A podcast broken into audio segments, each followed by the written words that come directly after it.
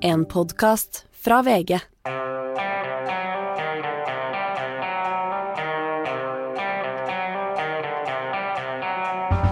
Men ikke visste jeg at alle disse dagene som kom og gikk, de var selve uke 35. Eh, de går fort nå, ukene. Nå er det snart jul, eh, Hanne. Har Ja. du begynt å handle julegaver? Det har jeg ikke gjort, men jeg kjente jo i dag kom høsten, på en måte. Ja. Her i Oslo fikk vi et anstrøk av, eh, av høst i dag, og mørke skyer og helt klart, eh, klart kaldere.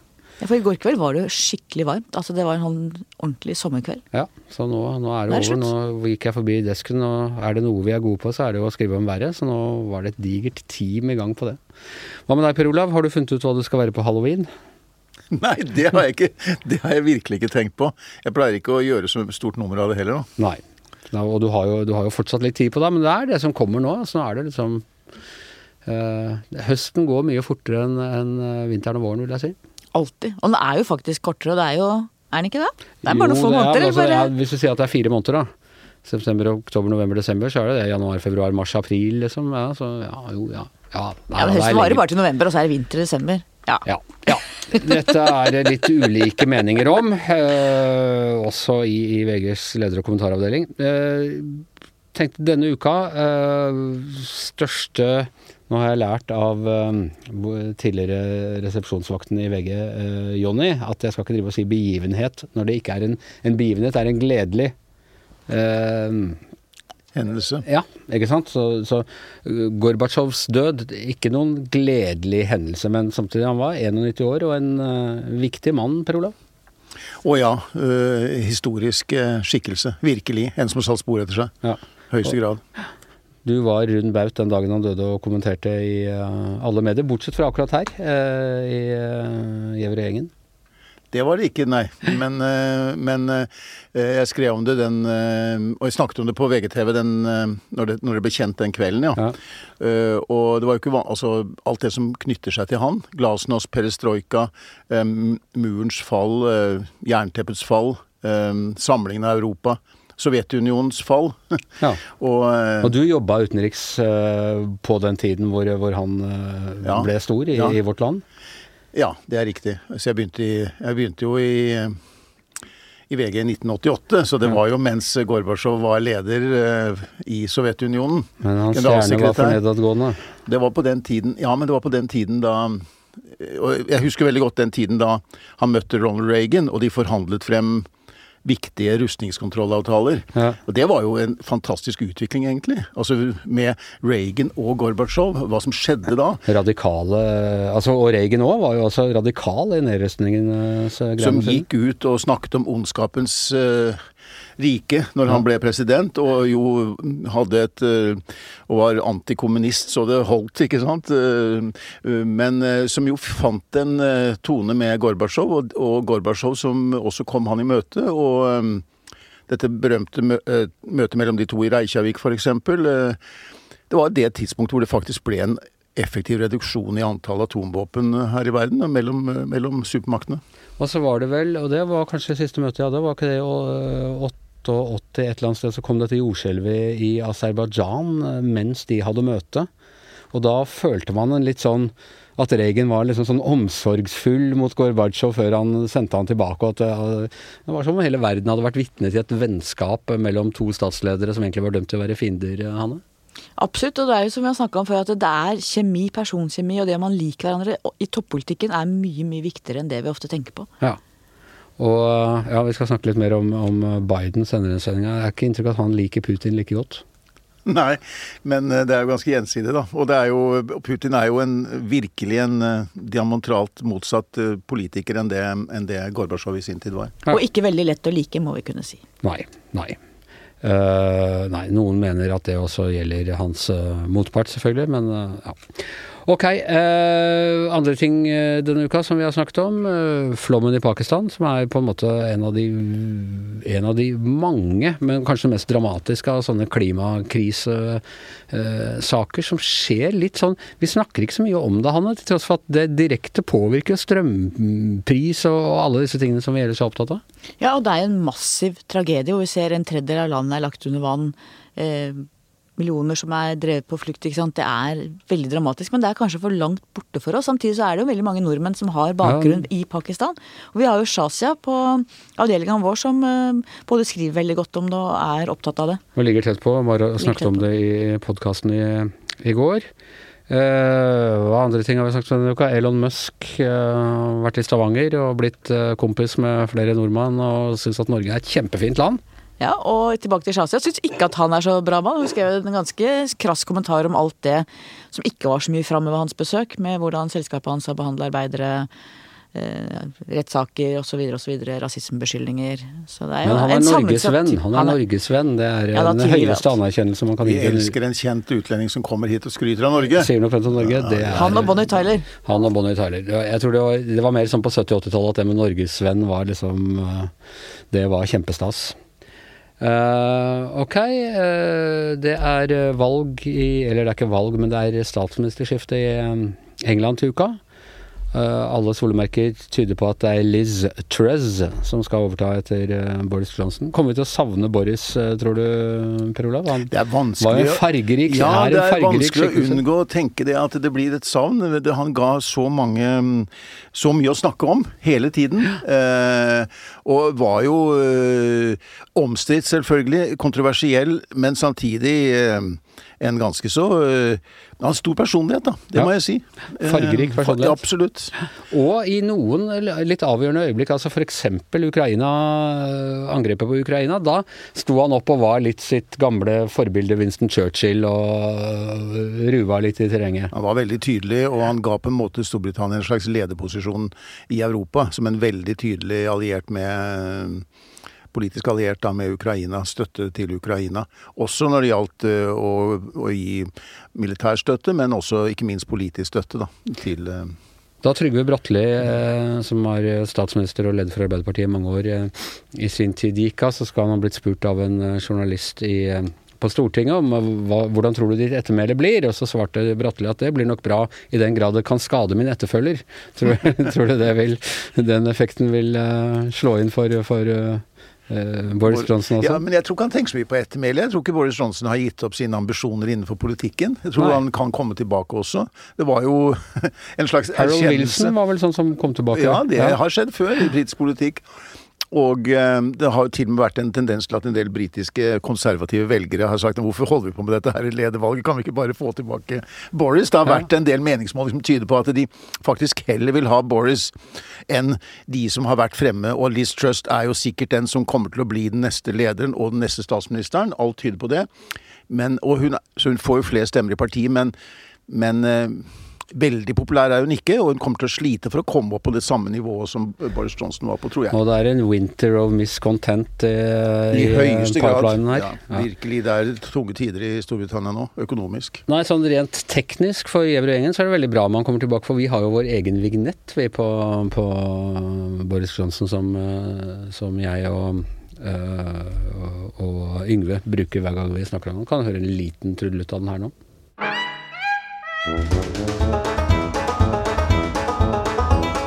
Ok, uh, uka som gikk. Uh, en ting vi ikke har snakket noe særlig om denne uka, er norsk politikk. Hanne, det kom en uh, litt oppsiktsvekkende meningsmåling i, i Vårt Land i går. Ja, Rødt gjør det kjempebra på morgenene. Ja. Det kan man jo tenke mye om. ja. Det er altså de eh, hva, Hvor mye var det? 8,5. 8,5. Det er jo helt sensasjonelt. Eh, og jeg ser Moxnes og, og kompani er ute og feirer som om de aldri har hørt om Senterpartiet. Dette er liksom eh, dette, de, skal, de skal bare vokse, og det er ikke måte på. Eh, det er vel grunn til å tro at dette er At det ligger en del misfornøyde Senterparti-velgere i, i den potten der. Absolutt, og det er jo veldig troløse velgere. Det er klart Senterpartiet lå jo oppe på 20% og har mista Er nå nede på sekstallet mange steder. Sånn at dette er ikke folk som kommer til Rødt for å bli. For Rødt har jo tatt over den posisjonen til Senterpartiet med å ha de enkle løsningene. Quick fix som egentlig ikke funker, men som høres retorisk veldig bra ut. Det er populisme, reinhekla populisme helt på ytterste venstre fløy. Ja, det er din mening, men eh, Ja. mange, mange vil jo si at det er, eh, det er Mimmi Kristiansson og, sånn som skjønner hvordan vi skal ordne strømkrisa. Men eh, Eh, eh, altså, eh, Dette er jo også en effekt vi har sett mange ganger med, med Fremskrittspartiet. Fremskrittspartiet tok jo lang tid, men til slutt så fikk de makt, de også. Holdt ut ganske lenge, men kasta kortene til slutt fordi det ble for belastende. Senterpartiet ja, fikk merke den effekten veldig raskt, også fordi omstendighetene og forutsetningene forandret seg ganske radikalt etter valget i fjor. Er nå nede på 5-6% hvor de jeg holdt på å si hører hjemme, hvor de har pleid å være da, i mange år. Men åpner dette porten for Er dette begynnelsen for at man kan tenke seg eh, Rødt i regjering en gang i eh, fremtiden? Oi, nå får jeg Hanne helt blek her, gitt. Hadde ikke engang turt å tenke på. Nei, jeg, tror At vi nå får år null med formann Moxnes som uh... Ingen får bruke briller og Ja, ja. Ja. Nei, jeg tror jeg, Man skal aldri spå, men jeg tror Da snakker jeg selvfølgelig ikke om et AKP-versjon av Rødt, men et sånt litt populistisk venstreradikalt parti som uh, er gode til å fange opp uh, misnøye og finne ut hvilke saker det er som fenger hos folk. Slik Senterpartiet gjorde ved, ved forrige valg. Ja, men Senterpartiet har jo alltid vært i midten, det er noe helt annet. Det er klart det er, Jeg skal aldri si aldri, men jeg har vanskelig for å se for meg både at eh, de rød-grønne ønsker å ha Rødt inn i regjering, og ikke minst at Rødt selv skulle ønske å gå inn dit. Det ville jo vært i strid med alt det de står for. Og Støre har jo vært veldig klar sånn på at han vil ikke ha de som en del av sitt grunnlag, for at de har rett og slett litt sånn udemokratiske røtter i sin tid. Men Gerhardsen var ganske klar på at han ville ikke ha noe med SF å gjøre i sin tid, og etter hvert så kom SV også i regjering. Jeg skal aldri si aldri, men jeg tror verken Rødt selv eller de andre partnerne ville se seg tjent med det på noe tidspunkt. Det kan godt hende jeg møter meg sjøl i døra på dette, Anders, men jeg tror det. Ja, du, jeg husker bare, og du var jo inne på det nå akkurat, eh, Hanne, men Støre trakk en veldig sånn ideologisk skillelinje mellom SV og Rødt eh, for noen år siden. Det var kanskje i for, ikke siste valg, men kanskje stortings... Eller, Ja, eh, stortingsvalg. Stortingsvalg, ja. Eh, og, så- og sa de på sett og vis hadde mer til felles med Høyre enn de hadde med, med, med Rødt, hvis jeg husker riktig. Mm. Ja, helt riktig. Ja. Helt riktig. Uh, og jeg tror den ideologiske avstanden der tror jeg nok eh, sitter veldig dypt. Uh, og så tror jeg jo at det er jo ikke nesten 10% av den norske befolkningen som vel ønsker den planøkonomi som Rødt i praksis går inn for. Det tror jeg ikke er tilfellet. Men billigere strøm ønsker vi, og enkle løsninger vil vi gjerne ha i en eh, vanskelig og komplisert eh, situasjon. Men jeg tror den eh, Men jeg er bare usikker på hvor mye ideologi er det igjen i Rødt. De er jo helt reinhekla populister, og det er jo på en måte på, på godt og vondt. Altså at man, man er gode til å, til å fange opp Det er en viktig del av politikken å fange opp der hvor skoen trykker. Så har du en utdøende gjeng med noen gamle museumsvoktere. Mange av dem er outsourca til Steigan og, og dalstrøka innafor. Altså, må jeg si av de der unge politikerne uh, for Rødt som sitter på Stortinget nå, Sneve Martinussen og, og Mimmi Kristiansen Alde, veldig flinke, uh, oppegående folk. Så det kan jo hende at de er på vei inn i en ny fase. Ja, Det har jo skjedd i andre land, og man skal jo som sagt aldri si aldri. Men i programmet sitt så har de jo fortsatt en del av disse gamle dogmene inne. Og jeg tror Arbeiderpartiet ville tapt ganske mange velgere hvis de skulle gått i kompaniskap med Rødt ut på sin mer sånn sentrumsorienterte velgermasse. Hvor blir det av SV oppi alt dette her? De sliter jo, de, for dem er dette veldig vanskelig å finne sin plass. Og det var kanskje en av grunnene til at de ikke gikk inn i den rød-grønne regjeringa, at da ville de bli enda mer pressa av Rødt. Hvis de hadde vært en del av makta og Rødt kunne virkelig fått spilt ut også mot SV. sånn at eh, for SV er det vanskelig at Rødt er blitt så store. Og det, det tenker jeg, Per Olav, og, og du som husker Blindern fra, fra 70-tallet og sånne ting. Det var jo ingen større fiende for det gamle AKP enn SV. Eh, Arbeiderpartiet, ja det var, det var ille nok, men SV det var liksom puddingene og eh, Klassesvikerne. Klassesvikerne og sosialfascister ble de faktisk eh, kalt det i det hele tatt. Audun Lysbakken har valgt hele veien nå å kjøre en veldig sånn flegmatisk linje overfor Rødt. Og ja, ja, nei, de har noen litt mer radikale løsninger på ting, men i bunn og grunn står vi mye for det samme.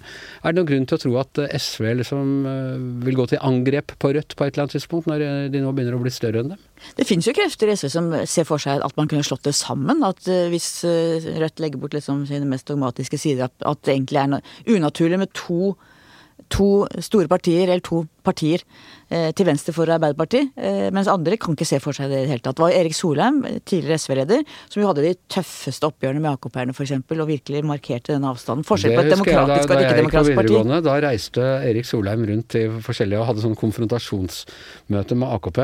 Og han var bare helt utrolig godt skolert. Og han Ja. kunne ta alle AKP-erne på marxismen og sånne ting. Og Ja. Det var, Ja, veldig, veldig det bra. var Men jeg, jeg, det, er, det er riktig som du sier, Anders. Jeg tenker på 1970-tallet på Samfunnsvitenskapelig fakultet, hvor jeg da studerte.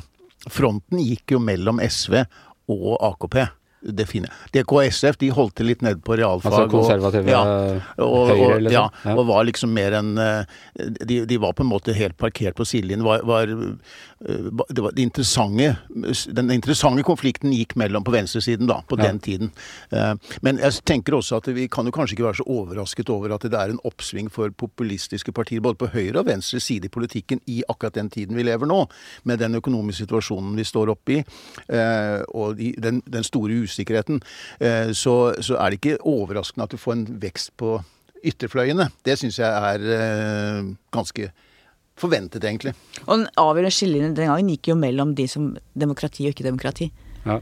Og det gjør det tross alt ikke nå. Det er demokrater. det er jo det, han er det ikke det? Ja, men de har jo fortsatt kommunisme altså De har jo prøvd Moxnes og de folka har jo prøvd å få ut liksom, kommunisme og alle disse tingene fra partiprogrammet. Har ikke klart det, så fortsatt ligger det frø av Men det av sitter ikke noen enda mektigere bak dem og liksom har en sånn kommunistplan? Nei, det gjør jo ikke det. Men det er klart at marxisme og det den religionen bygger på, ender jo alltid fryktelig i de landene hvor den faktisk blir forsøkt utført. Ja, Man får bare prøve én gang til, så er jeg sikker på at det kommer til Dette å mener du ikke, Anders? Nei, det mener jeg slett ikke. Det mener jeg slett ikke, Men jeg ser heller ikke på Rødt som eh, Altså, det er et annet parti enn AKP, og det er en annen generasjon, og, og, og i det hele tatt akkurat som eh, Arbeiderpartiet også en gang i tiden forandret seg fra et revolusjonært eh, til et sosialdemokratisk parti.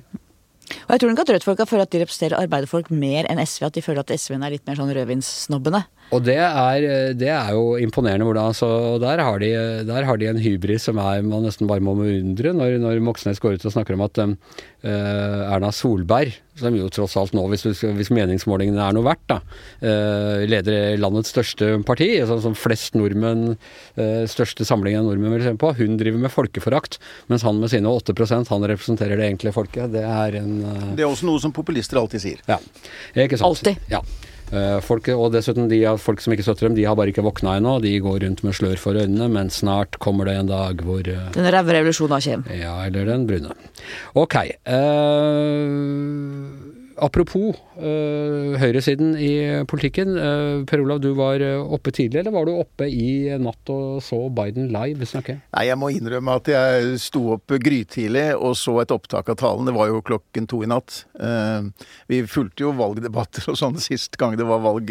Vi gjorde det, vi, vi satt her. i hver vår stue og så Ja, på valgdebatt Men i natt så, så valgte jeg å ta en tidlig start, og så se det i opptak. Og, og det var en interessant tale som Joe Biden holdt. Um, foran Independence Hall i Philadelphia. Um, Jeg har litt dårlig vibb på Independence Hall, for der var jeg dagen før valget i 2016, hvor Hillary Clinton og Biden, Biden og Obama alle sammen var og holdt en sånn litt for selvsikker tale.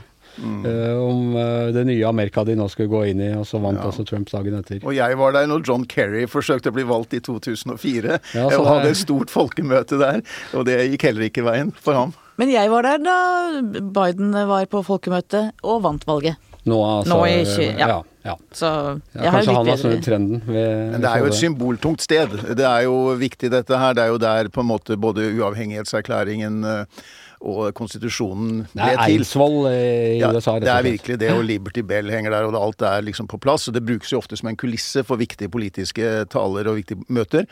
Eh, og også i går. eh, og dette er jo innledningen av eh, egentlig valgkampen i USA. Det starter jo for alvor nå. Det er vel to måneder igjen til mellomvalgene. Og eh, jeg tenker jo at eh, man må forstå Bidens tale i natt som en eh, valgkamptale og en appell først og fremst til uavhengige velgere, og for å mobilisere demokratiske velgere, som kanskje har vært han er litt redd for skal være apatiske og ikke bruke stemmeretten denne gangen. But there's no question that the Republican Party today is dominated, driven, and intimidated by Donald Trump and the MAGA Republicans. And that is a threat to this country. There are public figures today, yesterday, and the day before predicting and all but calling for mass violence and rioting in the streets. This is inflammatory. It's dangerous. It's against the rule of law. And we, the people, must say, this is not who we are. Og altså, Det har ikke vært noe særlig tvil om, om hva, hva Biden mener om eh, eh, Donald Trump, og, og klar og tydelig for eh, to år siden under kampen, men allikevel, han holdt noe tilbake. Det har alltid vært en sånn du skal ikke fornærme Trumps En ting er å ta Trump, men du må ikke fornærme velgerne hans for mye og sånn. Men nå går han virkelig langt, altså, i eh, å utpeke deler av det republikanske partiet som fiender av demokratiet. Dette er jo det man har kritisert Trump for å gjøre mot øh, demokratene. Uh, er det lurt å, å gå ut og, og på en måte fremmedgjøre såpass stor del av velgergrunnlaget som man da gjør ved å antyde at de er fascister og, og eller ikke bare det er, sterke, det er sterke ord, og han uh, har jo med en appell da, til moderate republikanere om at de, som han mener det går an å forholde seg til, og at de, at de må stå sammen uh, uansett ideologi for å forsvare både rettigheter og demokrati i USA, og friheter. Men han han, vel, men han sier jo samtidig at det republikanske partiet i dag er dominert, styrt og skremt på en måte av Trumps nærvær, og han kaster skygger over det hele. Eh, og utpeker da en betydelig del liksom, som da tilhørende et, ja, en ekstrem politisk retning. Eh, så det er veldig sterk, er, Biden er jo en politiker som sa at han ville bygge bro over motsetninger. Men uh, han bidrar jo selv også til den polariseringen. Ja, Hanne, du har jo alltid Du liker når politikere er tydelige. Jeg likte at, at Støre sto fram og, og uh, sier at vel, nei, jeg kan ikke garantere dere lave strømpriser, men ja. ja. Uh, hva syns du om Bidens standpunkt her? Ja, for det første har han jo helt rett. Det amerikanske demokratiet er under massivt press, og deler av det republikanske partiet er udemokratiske i beste fall. Det er sterke veldig, veldig mørke krefter i det partiet. Eh, og det å angripe det, mener jeg må, han må på et tidspunkt gjøre det. For det, er, det kan gå veldig gærent. Og jeg tror at han har med seg mange av de i midten ikke ytterkreft, men de i midten. Jeg hørte nylig en podkast om, om, voldspotensialet i det amerikanske folk. Hvor tidligere har det vært sånn at det stort sett har vært unge, single, arbeidsløse menn som har hatt voldspotensial for politisk vold. Men nå har de funnet en ny gruppe som er familiefedre med jobb, med barn. Som har milits for å forsvare lokalsamfunnet sitt. Det er og så mye våpen der i USA. Det er en veldig, veldig farlig tid. Så det at presidenten faktisk møter det offensivt, tenker jeg at han har egentlig ikke noe annet valg. Og det er ganske, En av de tingene som jeg merket meg i natt også, var dette med hans veldig sterke betoning at politisk vold skal aldri ha noen plass i det amerikanske samfunnet. Skal ikke finnes. Og, og de som og tok en veldig tydelig markert avstand der. Og så, så er det det at jeg forstår at han gjør dette. fordi dette med Det er ikke noe som han har funnet på at liksom, demokratiet er under press eller truet eller noe sånt. I en ny undersøkelse så var det jo 21% som sa at uh, truslene mot demokratiet er den saken de er mest bekymret for. Det var den saken som lå aller øverst på den NBC-målingen av, av, hva folk var bekymret for. Det lå foran uh, frykt for sin egen arbeidsplass eller frykt for prisstigning og slike ting. Så for første gang så er på en måte de store ideologiske forskjellene og den faren for ja, folkestyret da, satt helt øverst på agendaen. Og det, det er det Biden gjør med den talen sin i natt. Ja, den vil Men han har jo gitt opp selvfølgelig å henvende seg til de som virkelig er i, i Trumps leir. Så det han snakker til, er mer uh, uavhengige i sentrum. Og også, tror jeg, for å fyre opp sine egne. For å få de til å skjønne at her handler det om så viktige ting at nå må de delta i den politiske prosessen og i valgene. Nevnte han uh, abort? Ja da, ja da, han nevnte det som et eksempel på de rettighetene som er i fare. For det vet vi jo har vært mobiliserende flere ja, steder. Altså, han, han, han, snakket absolutt om abort og rettighetene til abort, og det var bare også som et eksempel da på at det, ikke, det stanser ikke der, ifølge ham, for MAGA-republikanerne. Altså, de vil Make America Great Again? Ja, og det, han snakket om Trump og MAGA-republikanerne, og vel å merke, han har aldri vært så direkte rett Han snakket om Trump direkte med navn mange flere ganger enn han har gjort før. Han har ofte ikke nevnt han. Ja, for det har vært litt sånn Harry Potter, han ja. hvis navn vi ikke nevner. Nettopp. Nå gjør han det. Og de andre rettighetene som er, det er retten til å velge på mange områder, bl.a. hvem man vil gifte seg med. Hvem man, uh, gifte seg med den man er glad i. Uh, uh, og altså fordi det har vært Det er høyesterettsdommere som mener at dette Altså vil gjøre om på dette med Eh, med eh, ekteskapslovgivning osv., og, så og frata den rettigheten. og og det har vært, og det er også andre Han gikk veldig langt i å snakke om hvilke, hvilke rettigheter og friheter som var i fare hvis Maga-republikanerne vant frem. Og så husk at Bakteppet er jo angrepet på Kongressen 6.1, som var voldelig, forferdelig og et forsøk på statskupp. Ja, nei, det, er, det mangler ikke alvor. Jeg må også si at jeg, det, jeg syns det er interessant nå med, med Biden. Eh, han eh, har jo da altså en eh, lang, litt broket, men suksessfull, bevares av karriere i amerikansk politikk. Valgt inn ganske ung. Noen veldig sånne personlige tragedier med, med kona og datteren som døde før han var, var tatt i ed. Denne ene sønnen med, med sine rusproblemer. Den andre som, som, dør. Han har vært hardt prøvet. Han har også gjort det veldig bra. Han har vært vært i Senatet i en årrekke. Han har prøvd seg som presidentkandidat et par ganger, ble visepresident.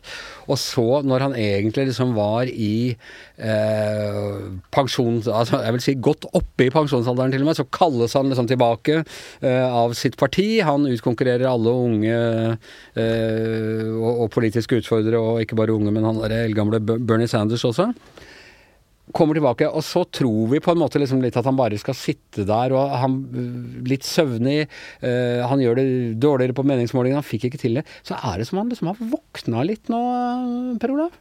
Ja, han sa jo at han bestemte seg for å stille som kandidat etter det som skjedde i Charlottes uh, I Charlottesville, ja. ja. Uh, men, men, nå tenker jeg på nå, altså de, de, de siste ukene nærmest, at han har uh, Han har fått til flere seier i Kongressen. Han går ut mot denne veldig ja, offensive. Det skjer har, et eller annet på meningsmålingene. Han, han, har funnet sin tone, tror jeg, og det handler om at du, dette med forsvar for demokrati og rettsstat, det er det som liksom på en måte nå er det store temaet hans. Han var ikke så Han snakket en del om det han mener han har oppnådd da i disse to årene som har gått. Eh, og det er jo en del lovgivning som har gått gjennom nå, så han har jo faktisk noe å vise til der. Men han var mye mer opptatt av å snakke om hovedmotstanderen, som er Trump, og disse replikanerne som følger ham. Jeg tror det også handler om at når, også når jeg snakker med amerikanske venner, at folk føler et sånt sense of urgency. Folk føler at det virkelig er så mye på spill. Og det er jo helt åpenbart at det må jo også presidenten kjenne på. Så jeg tror det er helt maktpåliggende, både for han og andre som forsvarer demokratiet, at nå gjelder det. Men eh, det er litt morsomt, det er fordi Trump holdt på hele tiden med Sleepy Joe og nærmest framstilte ham som eh, eh, dement og, og, i det hele tatt. Men han, eh, det er en seighet ved Joe Biden midt oppi alle. altså Han snubler i ordet, han sier ting som de må ut og brannslokke etterpå. Men han overlever eh, de tingene. Og dette tror jeg jeg nevnte tidligere i uka her også, men, men jeg har noen eh, liberale venner fra New York som var på besøk i Norge her i sommer, og de var sånn helt Nei, han kommer til å vinne igjen, med mindre han dør, da, av, fordi han er så gammel. Så, så eh, amerikanerne Han er ikke superpopulær, han er ikke karismatisk som Obama eller Clinton, eller han er ikke liksom slagferdig som, som Trump, men et flertall av amerikanerne gjenfinner noe hos Eh, Joe Biden, hele hans eh, litt smertefulle historie, hans liksom evige optimisme, eh, sånne ting som de stoler mer på enn denne, som han sa, denne kvakksalveren, politiske kvakksalveren Donald Trump. Ja, Han er ikke eksperimentell, han er trygg. Han representerer trygghet og noe bestandig, tror jeg, på folk. Og det trenger de nå mer enn noen gang. Og så er ikke Donald Trump han var jo ikke noen vanlig president, og han, er ikke, han oppfører seg heller ikke som en vanlig ekspresident. Skal han ikke eh, bygge biblioteket sitt snart, forresten? Nei, nei det, de, de, han er fortsatt en veldig sterk kraft i amerikansk politikk. Eh, han er, den, han er den faktiske lederen av det republikanske parti. Det er han som er drivkraften der. Eh, og derfor så ser jeg på en måte dette mellomvalget som kommer, som en slags liten omkamp etter det som skjedde for to år siden i presidentvalget, og et forspill til det som vi kan vente om to år i det neste presidentvalget, hvor sannsynligheten er stor for at det blir en, eh, et forsøk på revansj fra Trump, eh, og med Biden som eh, sittende president. Og det mellomvalget, det skal vi snakke mer om i løpet av denne høsten. Det kan dere være helt sikre på. Om vi reiser så langt bort, så kommer vi vel aldri hjem igjen. Er vi som flytter inn i det her landet? Eller er det landet som flytter inn i oss? Ja, er det vi som flytter inn i landet, eller flytter landet inn i oss? Det er et uh, filosofisk uh, spørsmål man, uh, man, kan stille seg når man flytter fra et land til et annet. Det var altså klipp fra traileren til Erik Poppes nyinnspilling av storfilmen 'Utvandrerne'. I sin tid flere filmer laget av svenske Jan Troell, bygget på William Mobergs bøker, og som handler om den svenske utvandringen fra, fra, Sverige og innvandringen til USA eh, på 1800-tallet. Og det kunne for så vidt like godt ha handlet om eh, nordmenn. Eh, vi avga en tredjedel av befolkningen til, til USA under den store utvandringsbølgen. Eh, og Kanskje kunne det også handle om å flytte fra, fra Pakistan til, til Norge, Shazia? Ja, og det, og det er rart å tenke på at så veldig mange innvandrere ikke vet noe om. Jeg jeg har sett denne filmen, og den har gjort et dypt eh, inntrykk fordi at det bare slo meg. Jeg har hørt, selvfølgelig har jeg hørt om utvandringen og at så mange nordmenn flyttet, men jeg, hadde, jeg har, har ikke hatt noe forhold til det. Jeg forstår, jeg forstår det ikke. Jeg har ikke forstått det. Jeg har ikke sett uh, likhetene mellom uh, da mamma og pappa innvandret til Norge, og da nordmenn utvandret til USA. Så når jeg, når jeg ser denne filmen, så, så bare slår det mot meg, da. Og eh, altså det er jo en, eh, en, historie som åpnet øynene for, for, veldig mange. Først da William Moberg eh, kom med bøkene, senere på, på 70-tallet. Jeg, jeg, tror dette var den første voksenfilmen jeg så, eller at, det var tolvårsgrense og jeg var ni-ti år gammel, og, og foreldrene mine mente at det var eh, viktig at jeg så dette. Jeg syntes det var helt grusomt. Det var barn som døde, så, og det var eh, og, og, det var noe Det var en litt senere film var det noe indianerangrep og sånne ting som var eh, Og dette blodslitet. De flyttet fra ett blodslit for å, for å komme til et annet eh, blodslit. Det er ikke, er ikke veldig optimistisk historie, egentlig. Vet du hva, jeg tenkte på det. Denne filmen varer to og en halv time, og det er, to, det er to og en halv time, timer med lidelse. Eh, vedvarende, eh, og på så mange ulike måter. Eh, og så tenkte jeg at ja, det er, kan bli veldig emosjonelt vanskelig å se den filmen for noen, men det er derfor den er så viktig. Fordi at man sier jo ofte at migrasjon er en livsvarig krise. Og så er det vanskelig å forstå det for kanskje oss som er barn av innvandrere, fordi at vi er født her. Men når man ser sånne filmer, så ser man, også fra mitt eget liv og fra livet til barna, eh, særlig fra mine foreldres liv, da, så ser jeg jo at du som migrant, da, så, så, så, er det ikke sånn at det er ikke alle Det er ikke alltid happy ending på alt. Altså Livet for disse blir sånn Det er sånn slit. Det, er, det ene avtar det andre. Den ene liksom vanskeligheten etterfølges av den andre. Og det er ikke nødvendigvis sånn at når man får materiell velstand at man har kommet i mål. For de taper så mye, og det er det som er så sterkt med bøkene, som jeg ikke har lest, men for, som filmen er bygget på, er jo nettopp dette her at den så utrolig godt beskriver hva som går tapt. Og hvordan disse tapene påvirker, da. Og det er jo da i, i sentrum av historien, i hvert fall var det det da i, i de opprinnelige filmene der, altså Carl Oscar. eh, som vel ble spilt av Max von Sydow, og, eh, og Christina, eh, som ble spilt av Liv Ullmann. og de, de sliter forferdelig i, i, Sverige. Og de kommer dit, og så dør jo hun før han. Og det husker jeg får nesten klump i halsen når jeg snakker om det. Med det bildet av han som han, har, eh, han, blir veldig mye eldre enn henne. Han bygger seg til slutt Han sitter som gammel mann på en sånn liten krakk foran graven og bare savner henne. Mm. Eh, og liksom alt Og da har det jo gått bra. De har fått en storgård i Minnesota, går jeg ut fra der. Men allikevel, altså den, den der lengselen som da på mange måter kanskje også symboliserer lengselen etter det, det de hadde sammen i Sverige, er der fortsatt. Ja. Det er noe med den prisen uh, man betaler når man gir slipp på det ene livet og begynner på det neste. Og som barn av innvandrere så burde jo jeg forstå det, men jeg forsto ikke det da jeg, da jeg skrev boken om innvandrerkvinnenes historie, Ut av skyggene, så var det det som, som var det mest på en måte banebrytende for meg å forstå. At det, er ikke sånn Jeg har jo alltid før det sagt til moren min hva er problemet ditt egentlig? Hvorfor er, hvorfor er, det så mye på en måte sorg? Eller hun var veldig sorgmodig, da. Hva er det? Du har det så bra her. Du bor i Norge, verdens rikeste, beste land, med alle de privilegiene vi har. Barna dine har sjanser de ikke ville ja. fått i Pakistan og Sverige. Ja, ikke sant? At du, aldri, du, er ikke trygg der, og her, vi, her har vi fått mye mer økonomisk trygghet. Men hun mistet jo alt, omtrent. Hun mistet sine sin eh, nettverk, sitt søsterskap, sitt språk, eh, den tryggheten som hun hadde. fordi hun kunne, Bare sånn, noe så enkelt som at hun kunne språket. Ikke sant? Og at eh, familien sin, vennene sine Og det, det kan ikke undervurderes hvor utrolig viktig det er. Og så går jeg inn i kinosalen og ser denne filmen, og så ser jeg på en måte Og nå er Kristinas eh, historie veldig, veldig dramatisk og veldig, veldig vond. Men jeg så moren min i henne. Og, og, er, og derfor så mener jeg på en måte at eh, alle burde se eh, denne filmen, hvis ikke de kan lese disse bøkene. Og det er færre, som, færre, og færre som leser bøker, særlig den yngre generasjonen. Som jeg også sier, for jeg prøvde å lese de bøkene i sin tid. De er ganske langsomme, de der uh, Moberg-bøkene. Det er jo en haug av dem. Ja, nettopp. Uh, så, så det kan kanskje være altså ja. ja. At man, at man, skaper populærkultur av noe som er så viktig for norsk historie. Fordi øh, jeg mener at utfordringen i dag er Eller slik jeg ser det, da, det gjøres mye for, for, for å For at etniske nordmenn skal forstå innvandrernes liv og, og opplevelser og erfaringer.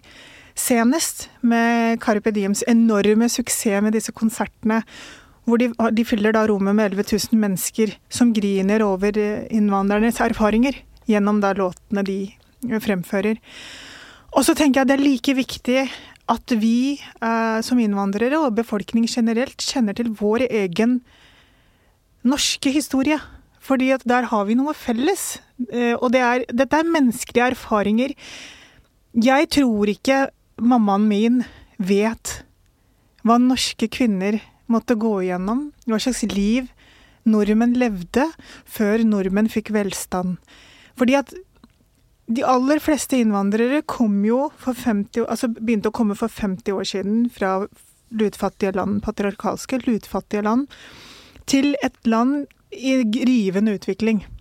Vi hadde funnet oljen, vi har folketrygden. Vi lever i verdens beste land, og man bare tror sånn har det alltid vært. Og da må man bare faktisk gå og se denne filmen. Og da var den norske utvandringen var over omtrent 50 år før, eh, før det igjen. Så, så. så, det er noe med um, Det er jo Dette forsto jeg jo litt når jeg leste bøkene til Roy Jacobsen. Blått hav, tror jeg. Var det ja, om, eh, som delvis er bygget på moren hans. Uh, ja, altså fra Kyst-Norge, og den ja. fattigdommen han beskriver der, det var en øyeåpner for meg. Uh, men, men, men den, denne filmen bare beskriver så utrolig uh, sterkt altså hvor enormt stor den fattigdommen var. Og så, Denne filmen skulle egentlig hatt eh, premiere for lenge siden. Har blitt utsatt flere ganger pga. pandemi øh, og litt av hvert. Kan også ta med at eh, Liv Ullmann, som jo altså spilte i originalversjonen, og da hun var på, på det største i, i Hollywood i det hele tatt, hun har gått god for filmen og syns at den er meget god. One thing we can do, better than any creature in all Middle Earth, we stay true to each other with our hearts even bigger in our feet. Ja, ikke før var, eh, var eh, Game of Thrones tilbake med, med drager og, og, fagre, lyshårede prinser og prinsesser som slår løs på hverandre med sverd smidd av valyrisk stål. Så kommer sannelig også Ringenes herre tilbake, en ny serie på, på eh, Amazon. Og eh, Benjamin Brekken, eh, du er faktisk direkte med oss eh, inne fra Hobbiton. Fra Hobbiton, ja. I hvert fall eh, Drammen, men det er kanskje, det er kanskje Norges er Hobbiton? Norges Hobbiton. Jeg sa det egentlig mest for vi har så fint bilde av deg. Fordi eh, du har vært i Hobbiton i New Zealand, eh, og vi har sånn bilde hvor du poserer foran noen av disse her hobbithullene. Ja, og jeg er jo 1,92 høy, så det, jeg er veldig lav når jeg skal inn de dørene der. Men altså, Hobbiton er jo Det ble jo egentlig revet, hele det opplegget der, etter Ringenes herre, og så bygde de det opp igjen til The Hobbit, og da fikk det bli stående, og nå er det en turistattraksjon. Og det, altså, det er helt magisk å komme inn der. Dro du jorda rundt rett og slett for å være på Ringenes herre-location? Nei, det var en del av en lengre tur, men vi la turen vår i det området for å kunne dra til Hobbitun. Kona mi også er veldig fan av det her. For du, du er, man må kunne si du er i målgruppa for uh, denne nye serien. Du har på en måte vokst opp med, med 'Ringenes herre'? Jo, men det har jo flere, Anders. Bøkene kommer jo lenge før uh, filmene, hvis det, er, hvis det, er, det du tenker på nå? Ja da, jeg leste dem da jeg gikk på gymnaset på 70-tallet. Så, så, jeg har for så vidt, om ikke vokst opp med, så de har fulgt meg en god del av, av livet, de òg. Jeg syns både de bøkene og for så vidt altså filmene er litt kjedelige, altså. I motsetning til, til Game of Thrones, hvor det skjer masse, og, uh, hvor det er storpolitikk og drama og emosjonelle greier, så er de liksom bare De rir og rir og rir gjennom dette her landskapet, og de Og, og, Kommer liksom ingen vei. og mye sex, Anders. Du trenger ikke å kamuflere det, det er bare å si det som det er. altså. Det, Det er mangler ikke på det i meg imot at, at uh, mennesker som er veldig veldig glad i hverandre, også av og til har fysisk eh, samkvem. Det- Og det har de ikke i 'Ringenes herre'. Nei, Jeg er nok kanskje også en av dem som syns, eh, syns filmene er, er, be, er bedre enn bøkene. Er det lov å si? Jeg vet ikke. Nå får jeg sikkert ikke masse det er mail, men jeg syns bøkene er lange eh, og langdrygde. Men de leste jeg når jeg gikk på ungdomsskolen, ikke sant? så føltes det kanskje litt tung. Jeg syns ikke 'Ringenes herre' er tregt og kjedelig. Jeg syns det er en fantastisk verdensbygging, fantastiske karakterer som du møter, det er mystikk hele tida. Men faren min, som er rundt din alder, han tvang jeg til å se 'Ringenes herre'. Og etter åtte timer, rett før den siste filmen slutta, så sa han dette gidder jeg faen ikke mer, unnskyld språket. Da var han lei. og da hadde han nesten sett ferdig, så det er kanskje et generasjonsskille der, jeg vet ikke. Så han vet ikke at de klarte å kaste den ringen i dommedagskrateret, rett og slett? Han, da. Han, han har ikke peiling, har kanskje skjønt det. Det er gjennomsyrer jo popkulturen, disse filmene her, så han har kanskje fått det med seg. Ja. Men du har også, du er blant eh, de ytterst få som faktisk har fått se ikke én, men to episoder av den nye serien. Ja, det stemmer. Vi får jo tilgang til det litt tidligere når du jobber med film og serier. Og mm, hvis du er ute etter en dom, så er det liksom Jeg er tilbake i, eh, i Ringenes herreland. Bear McCreary, som har lagd musikken istedenfor Howard Shore, han har liksom eh, klart å sy dette sammen på en lignende måte. Men så er det en annen historie her, da. Dette er en historie som tar for seg Altså er det 3000 år før det vi kjenner fra Ringenes herre. Men dette er jo fabelskapninger vi snakker om, så vi møter noen kjente ansikter. Elron, Galadriel, som vi kjenner fra Ringenes herre, de er i denne serien unge alver, bare noen hundre år eller tusen år gamle. Så de møter vi igjen. Men dette er liksom opptakten til hvordan ringene ble smidd og den type ting. Hvordan Sauron oppstod og ble en, en makt.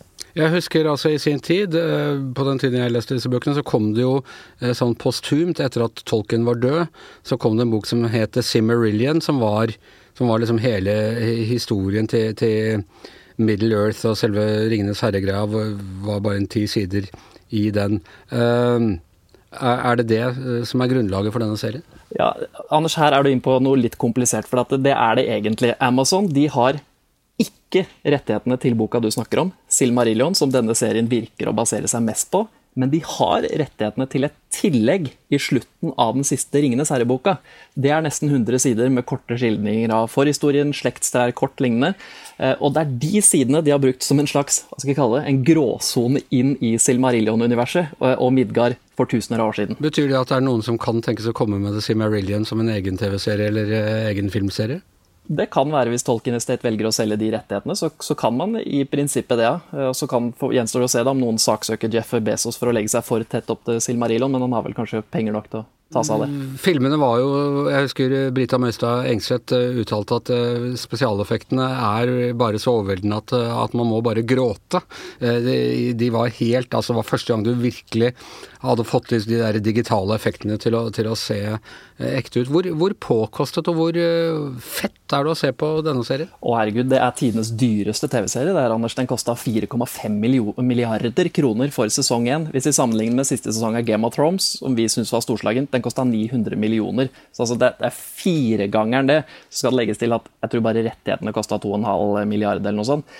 Eh, Men dette er, dette er vakkert. Jeg har frykta litt når jeg har sett traileren at det skal se for sånn polert ut, at alle er for pene og blanke. men etter å ha sett to episoder, så er det oss. Det er skitt og grums der. Ikke helt Game of Thrones eh, som du liker det. Eh, Men dette er, dette er som vi husker Ringenes herre. Og de husker Ringenes herre var jo altså et kvantesprang inn i den digitale, visuelle effektverden. Spesielt med tanke på sant, motion capture og han som alle kjenner, Gollum. Det var jo, De satte jo lista for hvordan man kunne gjøre sånt, og nå gjør jo alle det. Og Gollum er ikke med her, for han, eh, han var bare en hobbit eller et eller annet sånt, så han ble ikke mange tusen år gammel. Han skal ikke være med her, hvis ikke de hopper mange tusen år fram. Da. Men vi får det som var på en måte forgjengerne til hobbitene. Og Gollum også var jo en slags hobbit. Så vi får liksom noe lignende, men kanskje ikke like ødelagt i ansikt som det stakkars Gollum var. da. Er det noen kjente skuespillere?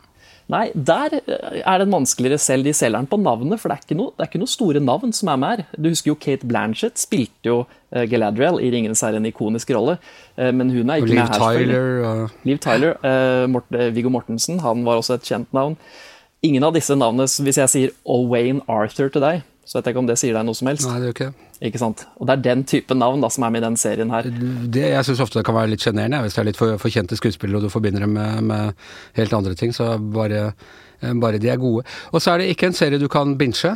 Det er det ikke, for det kommer bare to episoder nå på fredag. Og så kommer det én og én i uka fram til det er ferdig hele til det har vist åtte episoder. Og dette skal jo da gå parallelt med House of the Dragon, som du også er glad i. Så det er to mammuter i fantasyverden som skal gå samtidig. Det er bra, det er bra. Så hvis man skulle synes verden ellers er for kjedelig med krig i Ukraina, strømkrise, flom i India øh, og, og, mulig nytt Trump-valg i USA, så har du alltid drager og, og hobbiter og, og, ringer, ikke minst, i, i, i full flor på TV-universet. Tusen takk skal du ha, Benjamin.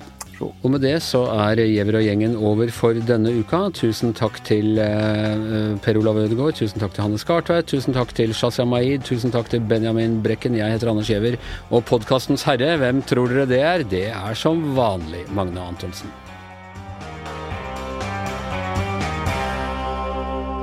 Du har hørt en podkast fra VG. Ansvarlig redaktør, Gard Steiro.